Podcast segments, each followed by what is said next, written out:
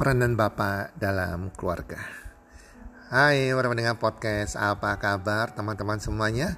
Di mana pun teman-teman berada saat ini, harapan dan doa kami semoga teman-teman bersama keluarga dalam keadaan sehat walafiat selalu dan pasti-pastinya rezeki Anda akan makin bertambah dari hari ke hari dan dari bulan ke bulan dan tentunya kesuksesan selalu menyertai Anda di sepanjang tahun ini. Peranan Bapak dalam keluarga. Ada bertanya kepada saya, apakah saya suka nonton film? Ya, saya suka nonton film. Genre film apa yang saya sukai? Saya suka sekali dengan film bergenre keluarga, teman-teman. Kadang kalau film keluarga ini sampai sedih banget, saya juga bisa ikut mewek, teman-teman. Yang pastinya kalau film keluarga itu bisa memberikan kita banyak hal positif dan inspirasi yang kita bisa terapkan dalam kehidupan kita. Teman-teman, sebuah negara yang besar itu dimulai terbentuk dari organisasi yang terkecil. Organisasi terkecil adalah keluarga. Jika sebuah keluarga terbentuk menjadi keluarga yang sehat, keluarga yang harmonis, keluarga yang berkecukupan, keluarga yang takut akan Tuhan, saya percaya sebuah negara ini akan menjadi sebuah negara yang sangat besar dan sangat kuat sekali. Itulah sebabnya keluarga itu sangat penting sekali. Bicara mengenai keluarga, kita bicara mengenai peranan seorang bapak yang di dalam sebuah keluarga. Jadi jangan sampai peranan ini terbalik-balik. Sebagai sebuah keluarga ibaratnya sebuah uh, sebuah kapal yang di sebuah lautan bebas itu pasti ada juru mudinya. Dan selalu ada satu juru mudinya yang memegang kemudi itu yaitu si bapak.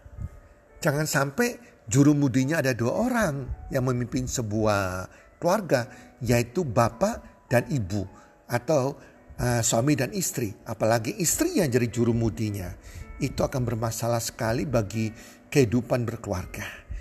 Jadi peranan Bapak ini harus jelas ya sebagai imam, sebagai juru mudi, juru kemudi sebuah keluarga.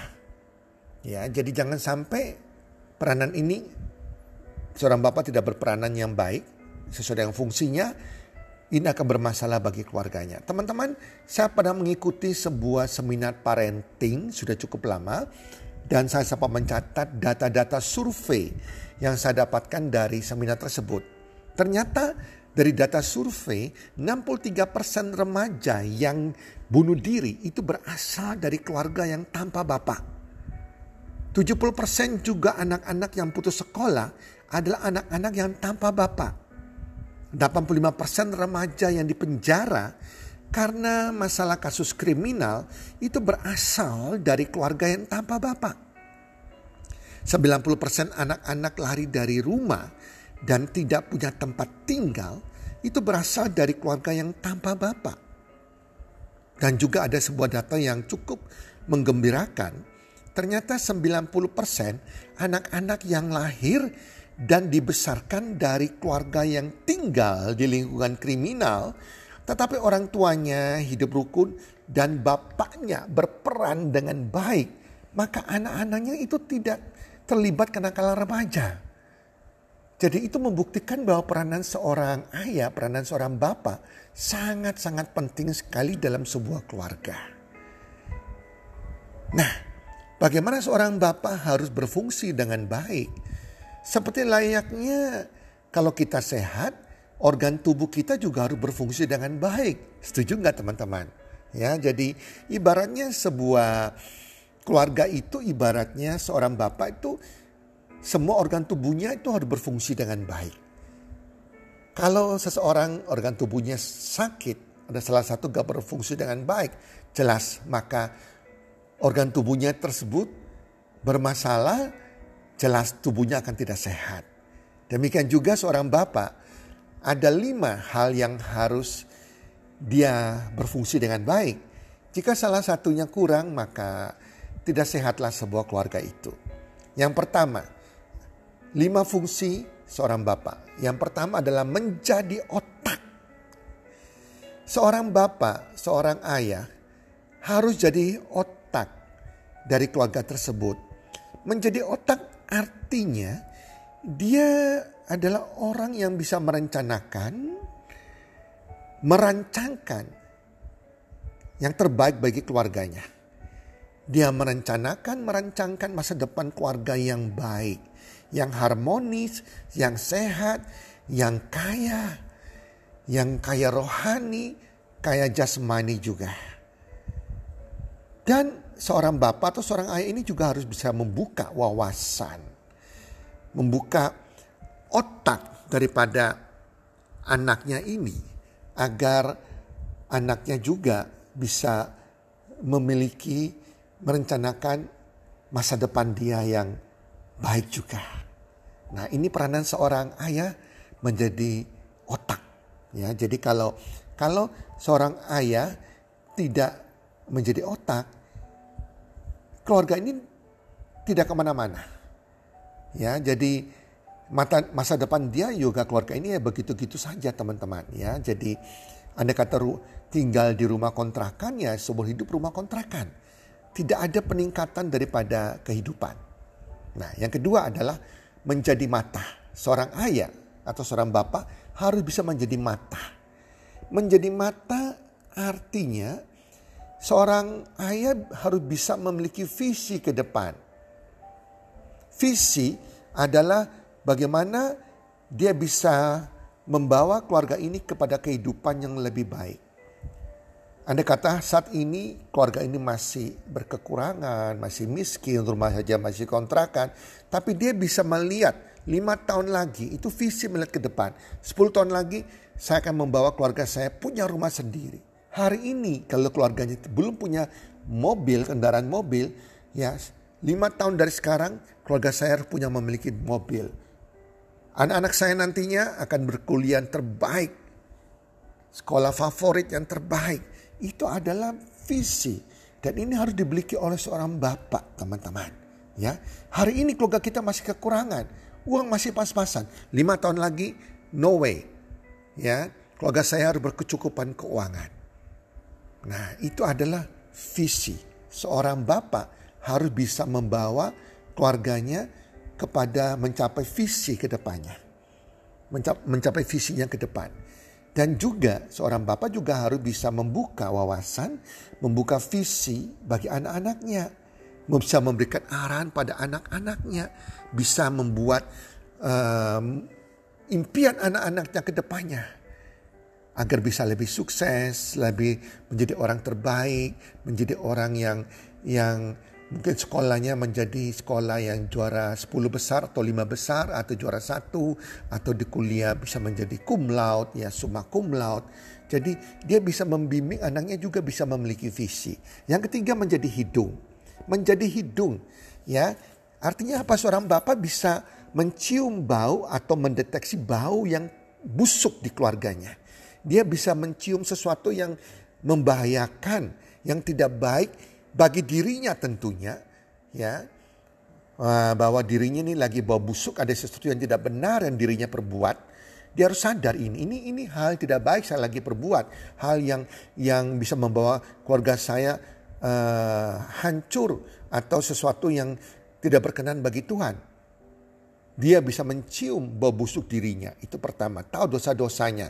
Dia harus sadar bertobat ya. Dia bisa mendeteksi kekurangan dirinya hal tidak baik yang dia lakukan. Kedua, dia bisa mencium bau yang terjadi di sekitarnya, di keluarganya. Dari anak-anaknya mungkin dia bisa tahu bahwa oh dari mungkin dari body language anak-anaknya bisa tahu, wah anaknya saya melakukan sesuatu yang buruk mungkin, yang tidak benar. Walaupun anaknya tidak curhat, tapi dari mimiknya, dari body language anaknya, dia tahu anaknya lagi membuat sesuatu yang tidak benar. Dan dia mencegah anak-anaknya ya berbuat sesuatu yang buruk, yang tidak baik bagi kehidupannya, bagi diri mereka. Dan untuk itu dia harus bisa mau dong ya dekat dengan anaknya sehingga anaknya mau curhat, dia bisa mengarahkan anaknya ya untuk sesuatu lebih baik, mendengar keluhan-keluhan anaknya dan mendoakan anaknya jika perlu. Yang keempat menjadi lidah menjadi lidah. Seorang bapak yang baik, dia bisa berkata-kata dengan bijaksana kepada keluarganya, kepada istri, anak-anaknya. Kata-kata yang menguatkan, ya, bukan kata-kata yang memaki, kata-kata yang negatif, menyumpah-nyumpah, membodoh-bodohi, ya, jangan. Itu tidak akan berefek baik Ya, jadi apa pun kesalahan dibuat oleh anak kita, pasangan kita, hendaknya dia bisa beri nasihat. Ya, nasihat wejangan dengan arif, bisa kasih kata-kata yang menguatkan, bukan omelan-omelan. Ya, jelas ya. Nah, sehingga anak-anaknya bisa, bahkan pasangannya bisa curhat. Ya, dan juga seorang bapak juga bisa juga menjadi lidah. Artinya, artinya apa? Dia jangan diam saja. Dia bisa menjadi lidah mencurahkan ya uh, mengatakan isi pikirannya dan isi hatinya kepada keluarganya. Yang kelima dia harus bisa menjadi telinga. Artinya apa? Telinga itu dia bisa mendengarkan keluhan pasangannya keluhan anak-anaknya. Itulah sebabnya Tuhan menciptakan dua telinga dan satu mulut. Artinya mendengarkan lebih banyak daripada berbicara. Demikian seorang istri juga jangan harus punya dua telinga, satu mulut. Jangan dua mulut, satu telinga. Jadi banyak omel-omelan cerewet banget. Jangan. Itu gak bagus juga dalam kehidupan berkeluarga. Jadi pasangan, anak-anak juga demikian harus banyak mendengarkan ya. Menjadi telinga daripada berkata-kata. Nah teman-teman ah, ini ada suatu sebuah cerita lucu bagaimana sebuah keluarga ini kadang malas mendengarkan ya curahan daripada anak-anaknya, pertanyaan daripada anak-anaknya atau memberikan kata-kata positif. Demikian ilustrasi ceritanya. Ada seorang anak yang masih SD lah datang kepada mamanya. Mamanya lagi sibuk mungkin. Anak, anak tersebut berkata demikian, Mama, Mama, Mama, kenapa kok rambut Mama kok tambah banyak putihnya sekarang? Mamanya juga malas menjawab, asal menjawab saja. Mamanya katakan demikian. Tahu nggak kenapa rambut mama jadi tambah banyak putih? Itu karena kamu nakal. Satu kali kenakalan kamu buat, rambut mama tambah satu putih. Kamu buat sepuluh kenakalan, rambut mama tambah sepuluh rambut putih. Nah kemudian anak ini tertawa dan berkata, oh mama saya ngerti sekarang. Kenapa rambut nenek kok sudah putih semua? Karena mama ini sangat-sangat nakal sekali sama nenek. Betul kan ma? Dan mamanya kaget dan terdiam dan tidak bisa berkata apa-apa teman-teman. Ya, ya itulah contohnya. Maka harus lakukan lima fungsi ini sebagai seorang ayah. Ya teman-teman ya. Dan teman-teman ah, semoga materi ini bermanfaat dan bagi Anda yang hari ini masih belum menikah, seorang pria yang belum menikah, semoga sharing ini bisa bermanfaat bagi Anda dan nanti kalau Anda menjadi seorang suami, seorang ayah, Anda bisa berfungsi dengan baik ya. Memiliki lima organ tubuh ini berfungsi dengan baik. Bagi Anda wanita yang lagi mencari calon suami atau lagi pacaran, Anda cek apakah pasangan ini sudah memiliki lima fungsi ini dengan baik tidak. Kalau tidak, pikirkan lagi. Pikirkan lagi apakah dia patut jadi pasangan Anda apa tidak ya. Nah, bagi Anda yang sudah jadi ayah hari ini, semoga Anda memiliki lima fungsi ini dengan baik. Kalau mungkin ada yang belum baik, ayo sama-sama kita perbaiki. Sehingga kita bisa membentuk sebuah keluarga yang sakinah, keluarga yang berbahagia. Teman-teman para pendengar podcast Health and Well Community, semoga podcast kali ini bermanfaat bagi Anda semuanya. Dan salam sukses. One, two, three.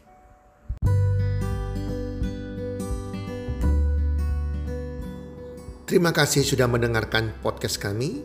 Teman, jika Anda rasa bermanfaat podcast kami ini, Anda bisa menginfokan kepada rekan kerja Anda, keluarga Anda, teman ataupun sahabat Anda.